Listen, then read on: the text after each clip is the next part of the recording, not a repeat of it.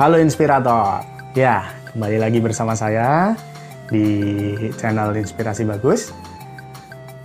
Minggu ini eh, setelah kemarin kita membahas tentang apa namanya eh, COVID COVID COVID ya kita banyak ya.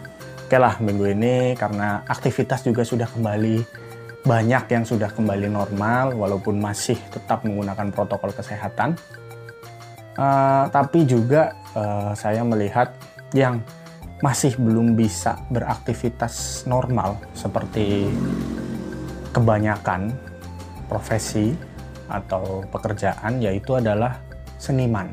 Nah, ini saya juga sedikit berpikir gimana nih supaya seniman ini bisa aktif kembali untuk pentas dan lain-lain.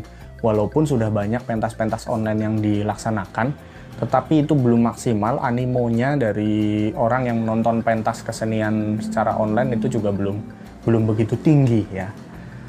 Uh, nah kali ini saya mau menelpon salah satu wah ini narasumber saya kali ini jauh, ada di Tangerang.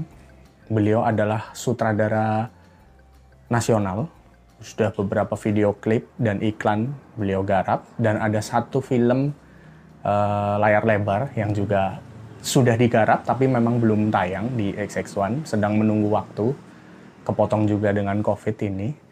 Uh, beliau juga sangat concern dengan seniman-seniman daerah karena film layar lebarnya pada saat proses yaitu di Banyumas dan di Purbalingga kebanyakan syutingnya adalah di Purbalingga 70% sineasnya dan aktornya pemain pemeran semua 70% adalah seniman lokal kenapa memilih seniman lokal biasanya film-film lebih memilih seniman dari Jakarta ya tetapi ini 70% seniman lokal Kenapa? Kita langsung telepon saja Om Yongki Ongestu. Halo, selamat siang Om Yongki. Selamat siang Om. Gimana ya, alhamdulillah baik. Uh, sehat, sehat Om sekeluarga. Sehat, aman. Sehat, aman. Mohon maaf lahir ya. batin, mumpung masih iya. suasana Lebaran. Iya, beda lain ini ya. Iya, Om Gimana? Masih di rumah aja nih di Tangerang? Masih, masih sampai tanggal. Sementara kita sih sampai tanggal 8, tapi nggak tahu kalau misalnya diperpanjang. Diperpanjang ya. ya. Kalau kita kita ikut aja, cuma kan sekarang belum nih, masih sampai tanggal 8 nih. Mm -hmm. Ya, tapi yang penting tetap protokol kesehatan tetap diutamakan ya Om ya. Betul, tapi jalanin sih. Iya. Masker segala macam itu tetap harus sih. Nah, iya nih, berkaitan dengan ini sih masih nyambung. Uh, walaupun ada ketentuan banyak hal tentang new normal nih katanya ya, ada new normal nanti. Tapi saya ngelihat pandangannya adalah profesi ataupun apa namanya ya, pekerjaan yang paling nanti susah untuk move on di new normal itu adalah seniman tradisi. Menurut Om Yongki gimana Om? Ya uh, benar sih. Sebenarnya uh, sebenarnya bukan hanya bukan hanya di bidang seni sih sebenarnya. Mm -hmm. Di, di, berbagai bidang juga itu akan pengaruhnya besar sekali sih sebenarnya. Mm -hmm. Mau dibilang new normal, uh, karena kenapa? Satu uh, paranoidnya masyarakat itu kan pribadi lah ya orangnya. Yeah. Iya, iya. Misalnya kita ambil contoh kita pribadi aja, misalnya oke okay, kita udah kantor udah buka dan segala macam. Mm -hmm. Oke, kita udah boleh ke supermarket kita beli barang yeah. begitu kita sampai juga kita tuh akan was was kita hmm. pribadi sendiri akan was was pastinya yeah. gitu loh betul nah, nah apa apalagi yang yang yang yang di bidang seni sih sebenarnya mm -hmm. yang yang mengharapkan sebenarnya kan uh, orang seni itu kan uh, mengharapkan penonton betul uh, baik itu yang yang digital maupun yang yang sebenarnya yang langsung yang langsung, langsung ya. ya nah ketika mengharapkan penonton datang itu penonton sendirinya juga itu akan agak rasa was-was. Saya oh. duduk di sebelah orang yang saya nggak kenal ini gimana. Jadi itu pasti ya, ada efek. Betul, sih. betul, betul. Uh, pasti ada efek. Cuma gimana sebenarnya gimana cara kita sikapinya aja gitu. Hmm. Jadi misalnya kayak oke biasa kita teater Mm-mm. teater yang jumlahnya misalnya 100 orang nih Oke. teater 100 orang nah eh, ketika new normal mungkin penontonnya nggak 100 mungkin cuma setengahnya 50 gitu loh nah kita pribadi yang sebenarnya kayak yang yang melaksanakan teaternya gimana sih caranya kita biar bisa tetap eksis Iya. istilah berjalan Mm-mm. dengan penonton yang 50 Hmm. mungkin ke sana sih jadinya Ya, Jadi atau mungkin bisa uh, satu kali produksi ada dua sesi penampilan, mungkin begitu ya. Betul, iya. Jadi ya, di istilah kita jadi lebih harus lebih kreatif sih. Hmm, sebenarnya. benar. Awalnya kita udah kreatif nih, tapi dengan Ah. situasi kayak gini, justru kita harus lebih kreatif lagi Mm-mm. gitu loh. Iya, Nah, benar-benar. Gitu sih. Iya, Gitu. soalnya kemarin kan gini, eh, ini pengalaman di daerah mungkin ya, Eh, mungkin Ya. di Picu Jawa Tengah itu pertama kali Pak Gubernur Ganjar itu eh, ada namanya pentas online di Jawa Tengah, seniman Ah, seniman Jawa Tengah. Kemudian diikuti beberapa seniman di daerah juga di Purbalingga, kemudian di Banyumas juga. Nah, saya berusaha eh, coba nonton live-nya, ada yang di YouTube, ada yang di Instagram. Itu tetap viewernya itu nggak nggak terlalu tinggi. Walaupun saya pada saat itu yang pada saat Pak Ganjar yang bikin, saya nonton live-nya, yang nonton tuh cuman 100 gitu. Turun Iya. jadi puluhan, naik paling 200 begitu. Nggak nyampe ribuan. Padahal followernya Pak Ganjar kan udah ribuan ya, rat- puluhan Iya, ribu begitu. Iya. Tapi yang nonton nggak nyampe 10 persennya itu Om. Nah, menurut Om Yongki apa tuh penyebabnya? Eh, karena karena eh, sebenarnya bidang digital, jadi Mm-mm. eh, saya tarik mundur sedikit gitu ya. Iya. Jadi sebenarnya contohnya gini, contohnya eh, sebenarnya kan sekarang banyak orang meng- menggunakan aplikasi Google Meet sama Zoom, Zoom, untuk mm. meeting. Mm-mm, Untuk meeting. betul. Ah, ini lagi happening di Indonesia nih, Ya. karena masa corona. Tapi Mm-mm. sebenarnya eh, fasilitas itu udah jauh sebelum corona tuh udah ada. Udah ada, Even benar. Lima tahun yang lalu tuh sudah ada, tapi nggak pernah digunain. Betul. Nah, sama halnya balik lagi ke ke yang digital tadi itu sebetulnya orang kita tuh memang belum aware Hmm, hmm, sama sama sama nonton secara digital sebenarnya. hmm, Nah, hmm, tapi karena ada karena ada situasi corona ini, hmm, mau nggak mau kan orang jadi belajar. Pertamanya emang akan nggak sebagus kalau misalnya kita nonton langsung. hmm. Istilahnya penontonnya mungkin nggak akan sebanyak itu. Mm-mm. Tapi ini perlahan sih. Iya. Makanya sebenarnya ini normal. Hmm. Karena ini akan jadi nor- eh, Akan jadi normal ya, baru. ya. Iya, eh, tapi dengan tahap yang baru gitu. Iya, betul, Karena betul, Awalnya betul. pasti emang begitu. Hmm, hmm. Karena kayak, kayak kemarin kita juga, eh, saya, saya pribadi juga sharing kan di Mm-mm. di istilah di komunitas anak baru. Ya, ya, ya, ya, betul. Saya juga ngikutin tuh sharingnya Om Yongki. Nah, Ah. biasanya kita eh, datang on, on the spot itu jumlahnya lebih banyak. sih Hmm. Betul, sebenarnya. betul. Jumlahnya bisa sampai ratusan. Tapi karena begitu kita sharing online itu datang paling 20 30. Iya, Ya, it's iya, okay. iya. Eh, tapi ya emang itu karena ini baru bagi Ah, kita. ah. Ah, tapi ini ya butuh proses sih. Mungkin setengah tahun, tahun kemudian itu akan jadi jadi tren dan banyak gitu Iya. Ah, Benar. sih. Jadi itu normal sih bagi saya. Bagi saya pribadi sih itu normal. Itu normal ya. Itu yang baru. Ah, Normal yang baru nanti menuju benar-benar memang nanti akan normalnya seperti itu gitu ya Om ya. betul, Ah, betul. Iya, Ah, oke deh. gitu sih. Ah, sebelum jauh ke depan saya eh, lebih jauh, saya kepengen tanya eh, memperjelas buat yang dengerin podcast saya ini, Om Yongki ini siapa? Nah, saya kepengen Oke. eh, explore sedikit. Saya dan Om Yongki ada di salah satu produksi. Saya terlibat di produksinya Om Yongki. Pada saat itu saya di menjadi salah satu eh, aktor lokal dari Banyumas untuk filmnya Om Yongki. Kemudian saya eh, mundur cari tahu siapa Om Yongki. Oh ternyata ada video klip yang digarap, iklan-iklan yang digarap juga, beberapa iklan di nasional ya di Jakarta. Nah eh, mundur lagi sebenarnya basicnya Om Yongki itu apa sih? Kok bisa masuk ke sinematografi? Nah gitu. Oke. Jadi basic awal saya kalau di dunia seni itu sebenarnya paling awal itu eh, fotografi. Fotografi. Saya dulu, nah, saya dulu fotografer. Saya mulai mulai istilah bisa sampai hari ini itu mulainya dari fotografer. Ya. Ah, habis dari fotografer eh, terjun ke dunia wedding. Oke, Di wedding. dunia, eh, dunia wedding eh, dan di tahun 2011 kan Hah? mulai masuk ke ranah video sebenarnya. Oke. Di di 2011 sudah mulai masuk ke ranah video. Mhm. Nah, di 2015 sebenarnya kita berubah. Jadi uh, company-nya kan uh, Enigma Picture. Enigma Picture, ya. Ah, kita berubah jadi uh, advertise, uh, istilahnya maksudnya udah bukan wedding, tapi Mhm. ke iklan.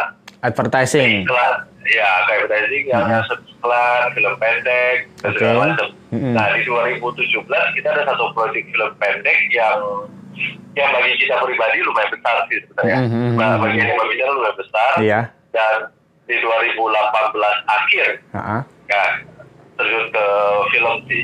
Iya, Masuk film ke nasional. syuting di Desember deh, kalau nggak salah waktu itu ya. Oktoberan Ah. mungkin kayaknya loh Om. Oh. Ya, Oktober, ya, Oktober, Oktober. Oktober, November kayaknya kalau nggak salah. Ah, Iya. ah, Iya. gitu Oke. sih, gitu. Iya, saya juga nonton filmnya yang 2017 yang End of Black Era itu ya. Iya betul. Itu ikut Ah, salah satu kompetisi juga ya di Balinale. Panilai Amerika ya.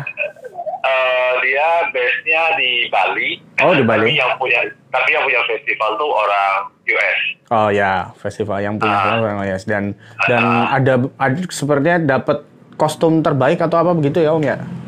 Eh, jadi kita dapat eh, special screening sih. Jadi sebenarnya Jodre kita tuh nggak masuk di festival dia Mm-mm. awalnya. Awalnya, Tapi karena nah, tapi karena produksi Indonesia yang yang mereka sadar oh ini production desainnya value-nya besar Oke. dan sepertinya pertama untuk film pendek yang pakai prostetik dan jor-joran gitu lagi Mhm, gitu. mhm. Ah, mereka ka- kasih istilahnya apresiasi. Appreciate, ya. Ya, special screening gitu. Oke, mantap. Ah, itu. Iya, ini saya juga berharap nih dari 2018 kita sudah berproses sampai 2020. Ke- eh, kemungkinan katanya film mau tayang 2020, eh malah ada Corona. corona gitu ya Om ya. harusnya sih har- harusnya sih tahun ini. Iya, Jadi kan kita juga udah kan. Ah, ah, betul. Ternyata kehajar corona, Ha-ha. ya udah kita cuma bisa kayak kita juga nggak bisa maksa Betul. ya, eksibitor kan Hmm, karena hmm, mereka hmm, juga hmm. banyak film yang tertunda ya udah kita iya.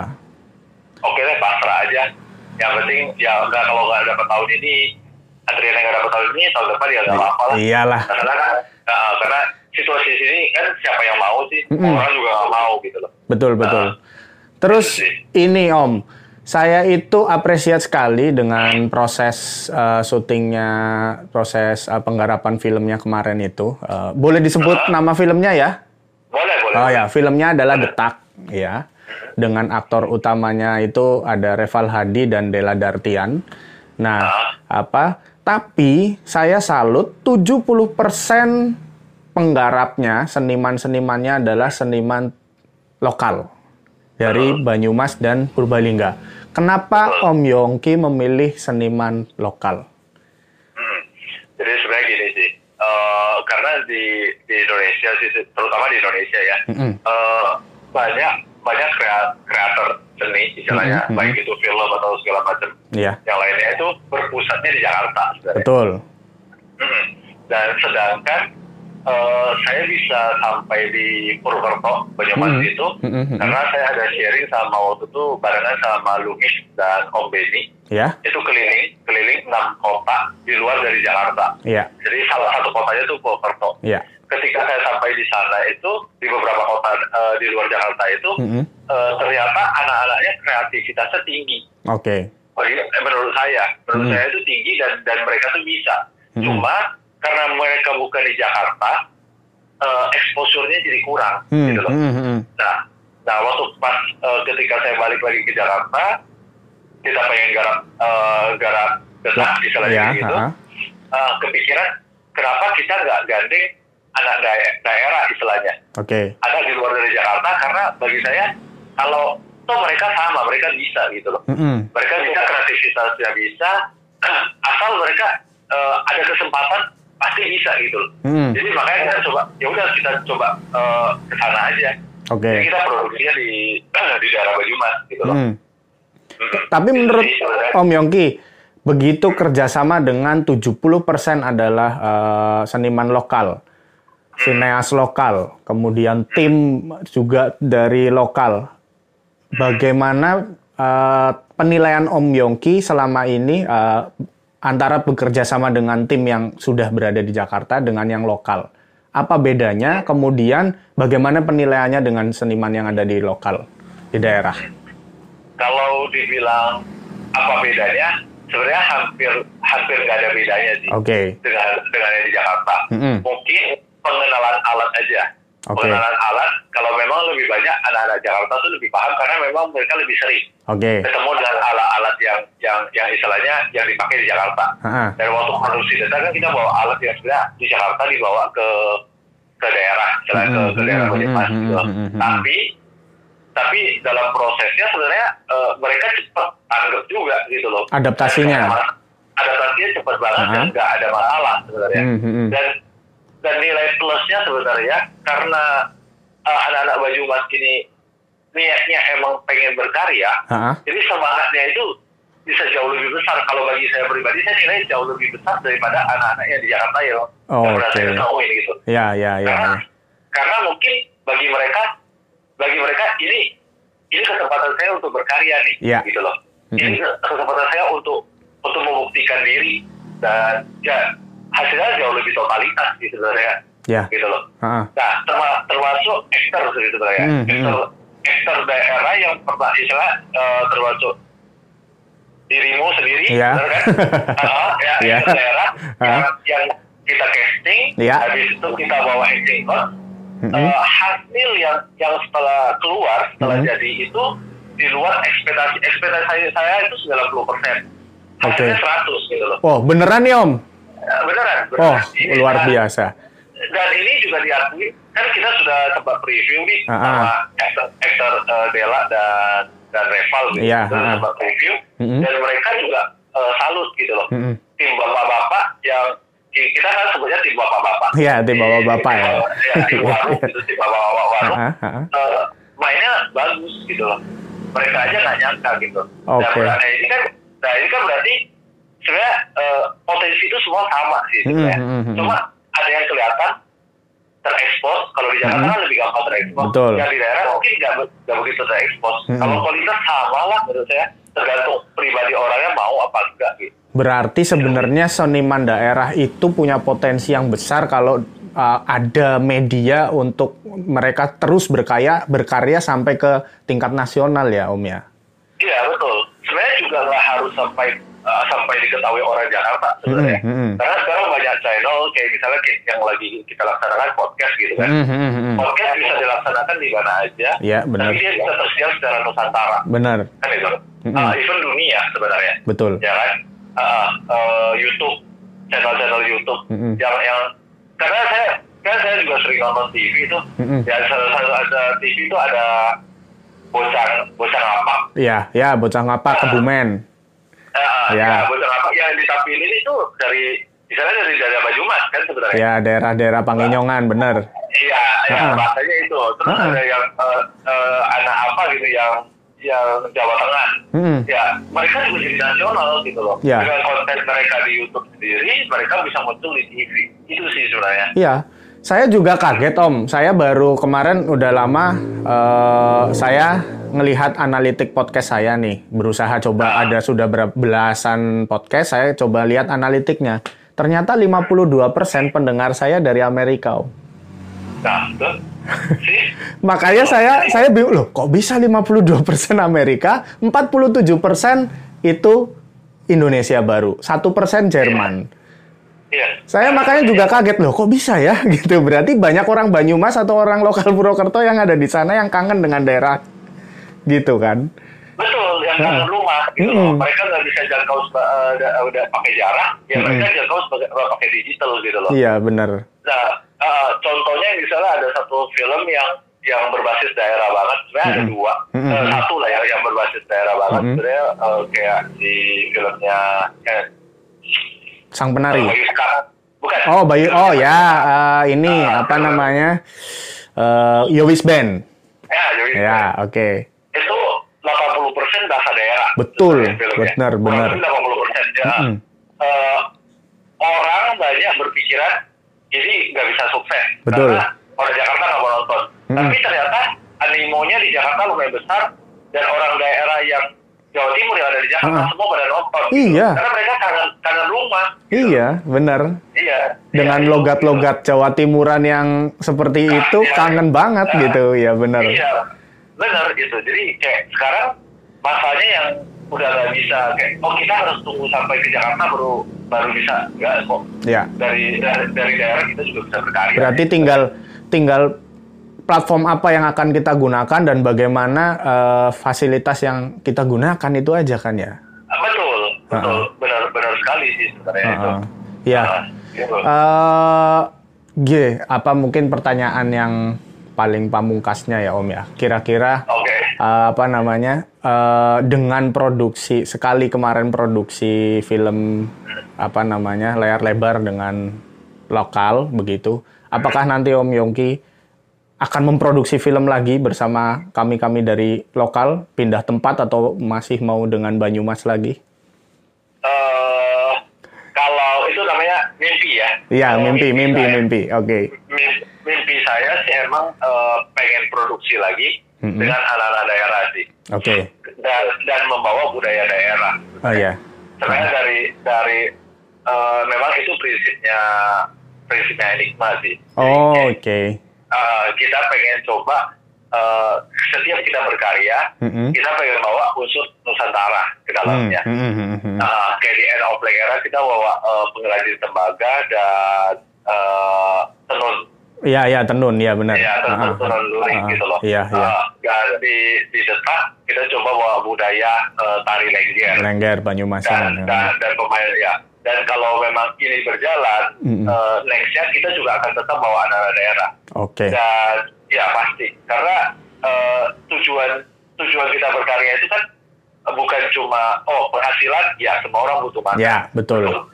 Tapi satu lagi kalau misalnya kita kita bisa mencoba memperkenalkan budaya negara kita karena film detak saya bawa ke festival sih. Jadi Hmm. sekarang sekarang lagi lagi disamai ke beberapa festival di wah luar. mantap mudah-mudahan Iya. sukses di sana Om Iya itu karena eh, kalau bukan kita eh, kalau saya pribadi saya sebagai filmmaker ya misalnya gitu ya apa yang bisa saya lakukan buat buat Nusantara sebenarnya Ya, buat ya, Indonesia ya. ya lewat jalur jalur film Lewat gitu. jalur film, ya, Nah, siap. nah, caranya gimana kayak rangkul komunitas Mm-mm. eh, anak-anak yang yang istilahnya eh, kru lah ya istilahnya Mm-mm. ya atau pemain yang dan angkat budaya daerah setempat gitu loh ya Ah, betul gitu sih. sama satu Jadi, lagi kalau- nih Om yang saya salut nih dari produksi film Detak Zero Waste Ya, Nah itu gimana nih Om? Pertama kali kepikiran itu apa gitu loh? Saya baru pernah, saya beberapa kali uh, belum belum ikut produksi, tapi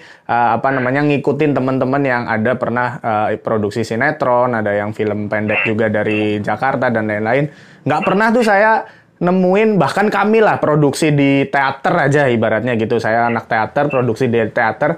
Saya nggak pernah, belum pernah ngalamin produksi seperti produksi film detak dari awal kita baru proses apa tuh reading sampai selesai film syuting itu kita nggak nyampah sama sekali loh om itu gimana kepikirannya pertama kali om sebenarnya itu juga salah satu prinsipnya di di, di Enigma sih. Ha-ha. Jadi eh, di, di- kalau di kantor kita gitu eh, bisa se, karena awalnya itu dari istri. Jadi Mm-mm. produsernya tetap si Ariana Ya, itu Yoris. emang eh, dia aware banget sama namanya eh, sampah sampah plastik, Oke. sampah terutama sampah plastik sih. Mm, mm, mm. Kalau bisa dikurangin, kenapa enggak? Karena itu sampah yang sampah kita nggak bisa hindarin. betul Tapi kalau sampah plastik itu kan nggak nggak bisa terurai, Ya. gitu loh. Mm-mm. Dan eh, kalau bisa kita kurangin, kenapa tidak gitu? Ya. Itu udah kita terapin di beberapa proyek kita yang yang misalnya kayak mau kita syuting iklan atau Hmm, hmm, eh, syuting yang lain itu Hmm, kita terapin. gitu. oh memang Karena sudah sudah diterapkan terus ya di Enigma ya oke Nah, dan ketika mau mulai detak ini dengan jumlah orang yang jauh lebih banyak, betul total kita waktu itu syuting bisa yang pasti pasar aja itu bisa sampai 80 90 orang. ya ya Hampir 100 lah kurang ya lebih 100 ya betul kita kenal 100 orang. Eh, mungkin apa enggak ya? Awalnya kita sempat ragu sih. Awalnya sempat ragu karena Mm-mm. ngatur sebanyak itu orang itu tidak gampang gitu. Mm, mm, mm. Apalagi untuk tidak buang sampah dan segala macam kan. Mm-mm. Nah akhirnya eh, karena barengan juga sama produser si Om Iye, Ya, Om Iye dia juga orangnya agak green, ya kan? Iya. Uh, uh, dan dia bilang, ya udah kita coba aja gitu loh. Coba. Kalau memang kita nggak nggak kuat sampai tengah jalan, ya udah, tuh nggak ada ruginya. Iya, Nah, benar. ya makanya kita terapin gitu. Iya. Dan ternyata dan ternyata bisa gitu. Semua pada support. Ah, Even dari kas, ya semua pada support dan Iya, ya bisa gitu. benar. Karena logiknya gini, kalau bagi saya, kita kan lagi mencoba memperkenalkan satu budaya nih. Mm-mm. Tapi kalau apa yang kita lakukan ketika memperkenalkan budaya itu tidak berbudaya, membuang sampah bagi saya itu membuang sampah sembarangan itu kayak nggak berbudaya. Betul. kan. Iya, Nah, betul, itu benar. Jadi, jadi kontra. Iya. Nah, itu sih. Jadi memperkenalkan budaya dengan budaya yang lebih baik gitu ya Om ya. Iya, dengan Ah, lebih iya. berbudaya sih sebenarnya Iya. gitu. Nah, Ah. dari dari produksi detak, akhirnya kita seniman daerah juga akhirnya seperti ada trigger baru, cambuk baru gitu untuk kita bahwasanya kenapa pada saat kita produksi kita di lokal sendiri kita nggak bisa ya gitu. Ya, terus ya, kan jadinya jadi movement itu jadi ada ada satu impact. Iya, Walaupun makanya. Tapi kecil-kecil nanti jadi besar gitu. Ah, ah. Itu sih. Ah, Iya benar, makanya kita juga akhirnya mendapatkan itu apa eh, dibuka mata kita. Oh iya, Eh, se- se- sebenarnya kita bisa untuk untuk untuk tertib terhadap diri kita sendiri, cuman nggak ada yang nggak ada yang nyambuk gitu. Tapi begitu ada yang nyambuk, ada yang ada yang memberi aturan, ternyata kita bisa tuh gitu nggak nyampah. iya makanya. ya, iya. Bawa gelas ke mana-mana, gelas kecil, minum kopi apa sendiri. Iya, saya gelas masih tersimpan sampai sekarang. Saya juga pasti. Iya. eh, emang masih ada juga kok. Jadi itu sebenarnya kan eh, orang bilang kalau mau mulai itu memang usahanya agak susah, Mm-mm. apalagi di bagian bagian yang yang memulai. Jadi sebenarnya Iya. kita sebenarnya waktu pas mau mulai itu orang eh, kita selalu pikiran kita bakal lebih repot sih. Saya, Mm. saya sama ngobrol sama Ariana sama EY, Mm-mm. kita bakal lebih repot. Iya, karena kita harus siapin gelas, Mm-mm. kita harus siapin botol air, Benar. botol minum dan segala macam. segala macam. Mm-mm. Ya tapi kalau misalnya kita nggak mulai, ya nggak akan mulai. Ya udah kita coba aja. Lah. Mungkin bagi sebagian produksi yang lain itu repot. Repot banget, benar, benar, benar. Iya. Bagi kita ya repot sedikit nggak apa-apa lah. Oh, Mm-mm. untuk jaga jaga daerah orang gitu loh. Tapi Karena secara hitung-hitungan akhirnya jatuhnya sama aja kan Om, nggak ada sampah yang dibuang soalnya. Betul, nggak ada sampai ribuan. Sebenarnya kalau dari budget, dari Mm-mm. budget dari produser kemarin sempat coba ngitung, Mm-mm. sebenarnya jad- jadinya lebih hemat. Jadi hemat malah kan? Iya, lebih Iya. hemat karena iya karena eh, satu eh, kita kalau siapin eh, gelas gelas plastik itu kan Iya. masih dibuang. Gelas Ah. plastik satu udah berapa? 100 perak aja itu. Iya, betul. sehari berapa orang gitu. Benar. Jatuhnya lebih hemat sih sebenarnya. Iya. Itu. Kayak saya aja nggak mungkin satu hari minum cuman satu gelas eh, air mineral gitu nggak mungkin. Pak. Paling pasti satu orang bisa satu hari 10 atau 20 gelas mungkin malah. Betul. Iya. Nah, iya itu Ah. dia gitu loh.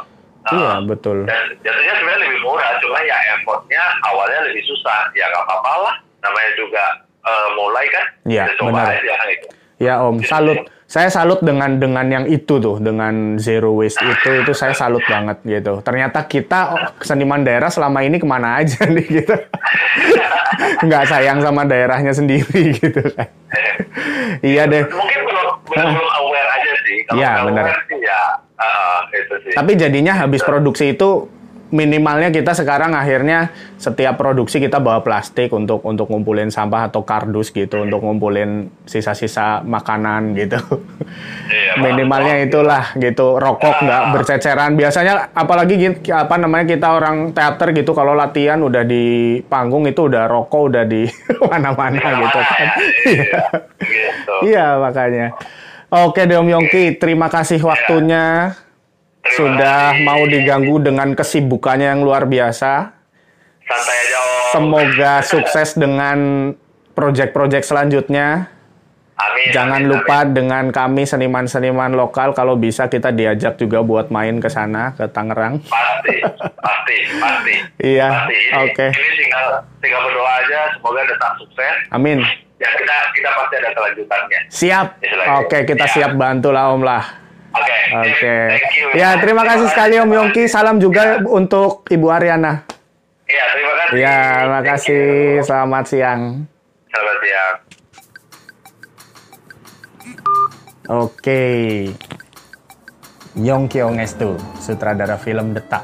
Nah, ditunggu aja, mudah-mudahan 2021 ya. Harusnya tahun ini, tapi karena ada corona, ya gimana lagi? Harus mundur lagi waktunya 2021 ditonton filmnya selain uh, apa namanya filmnya 70% adalah artis-artis lokal dari Banyumas dan Purbalingga sineasnya juga lokal 70% dari Banyumas dan Purbalingga. Selain itu juga produksinya lebih berbudaya dari filmnya. Itu yang harus kita appreciate nggak hanya filmnya yang menonjolkan sisi kebudayaan Banyumasnya tetapi juga dalam prosesnya. Kita sama sekali nggak nyampah. Itu yang paling keren. Jadi yang bisa kita dapat di sini ternyata seniman lokal nggak jauh beda sama seniman nasional nasional. Dan kita pun sekarang punya berbagai macam platform yang bisa kita gunakan supaya kita bisa terdengar sampai internasional nggak hanya lokal karena internet gitu. Jadi seniman lokal ayo semangat di era yang ini kita tetap kreatif kita tetap produksi kita tetap berkarya jangan berhenti jangan ngelokro dengan adanya pandemi ini ayo kita kembali berproduksi Insya Allah saya siap support. Tunggu aja ada program dari saya yang akan mengangkat teman-teman seniman lokal Banyumas. Sampai ketemu selanjutnya minggu depan di Inspirasi Bagus. Salam inspirator.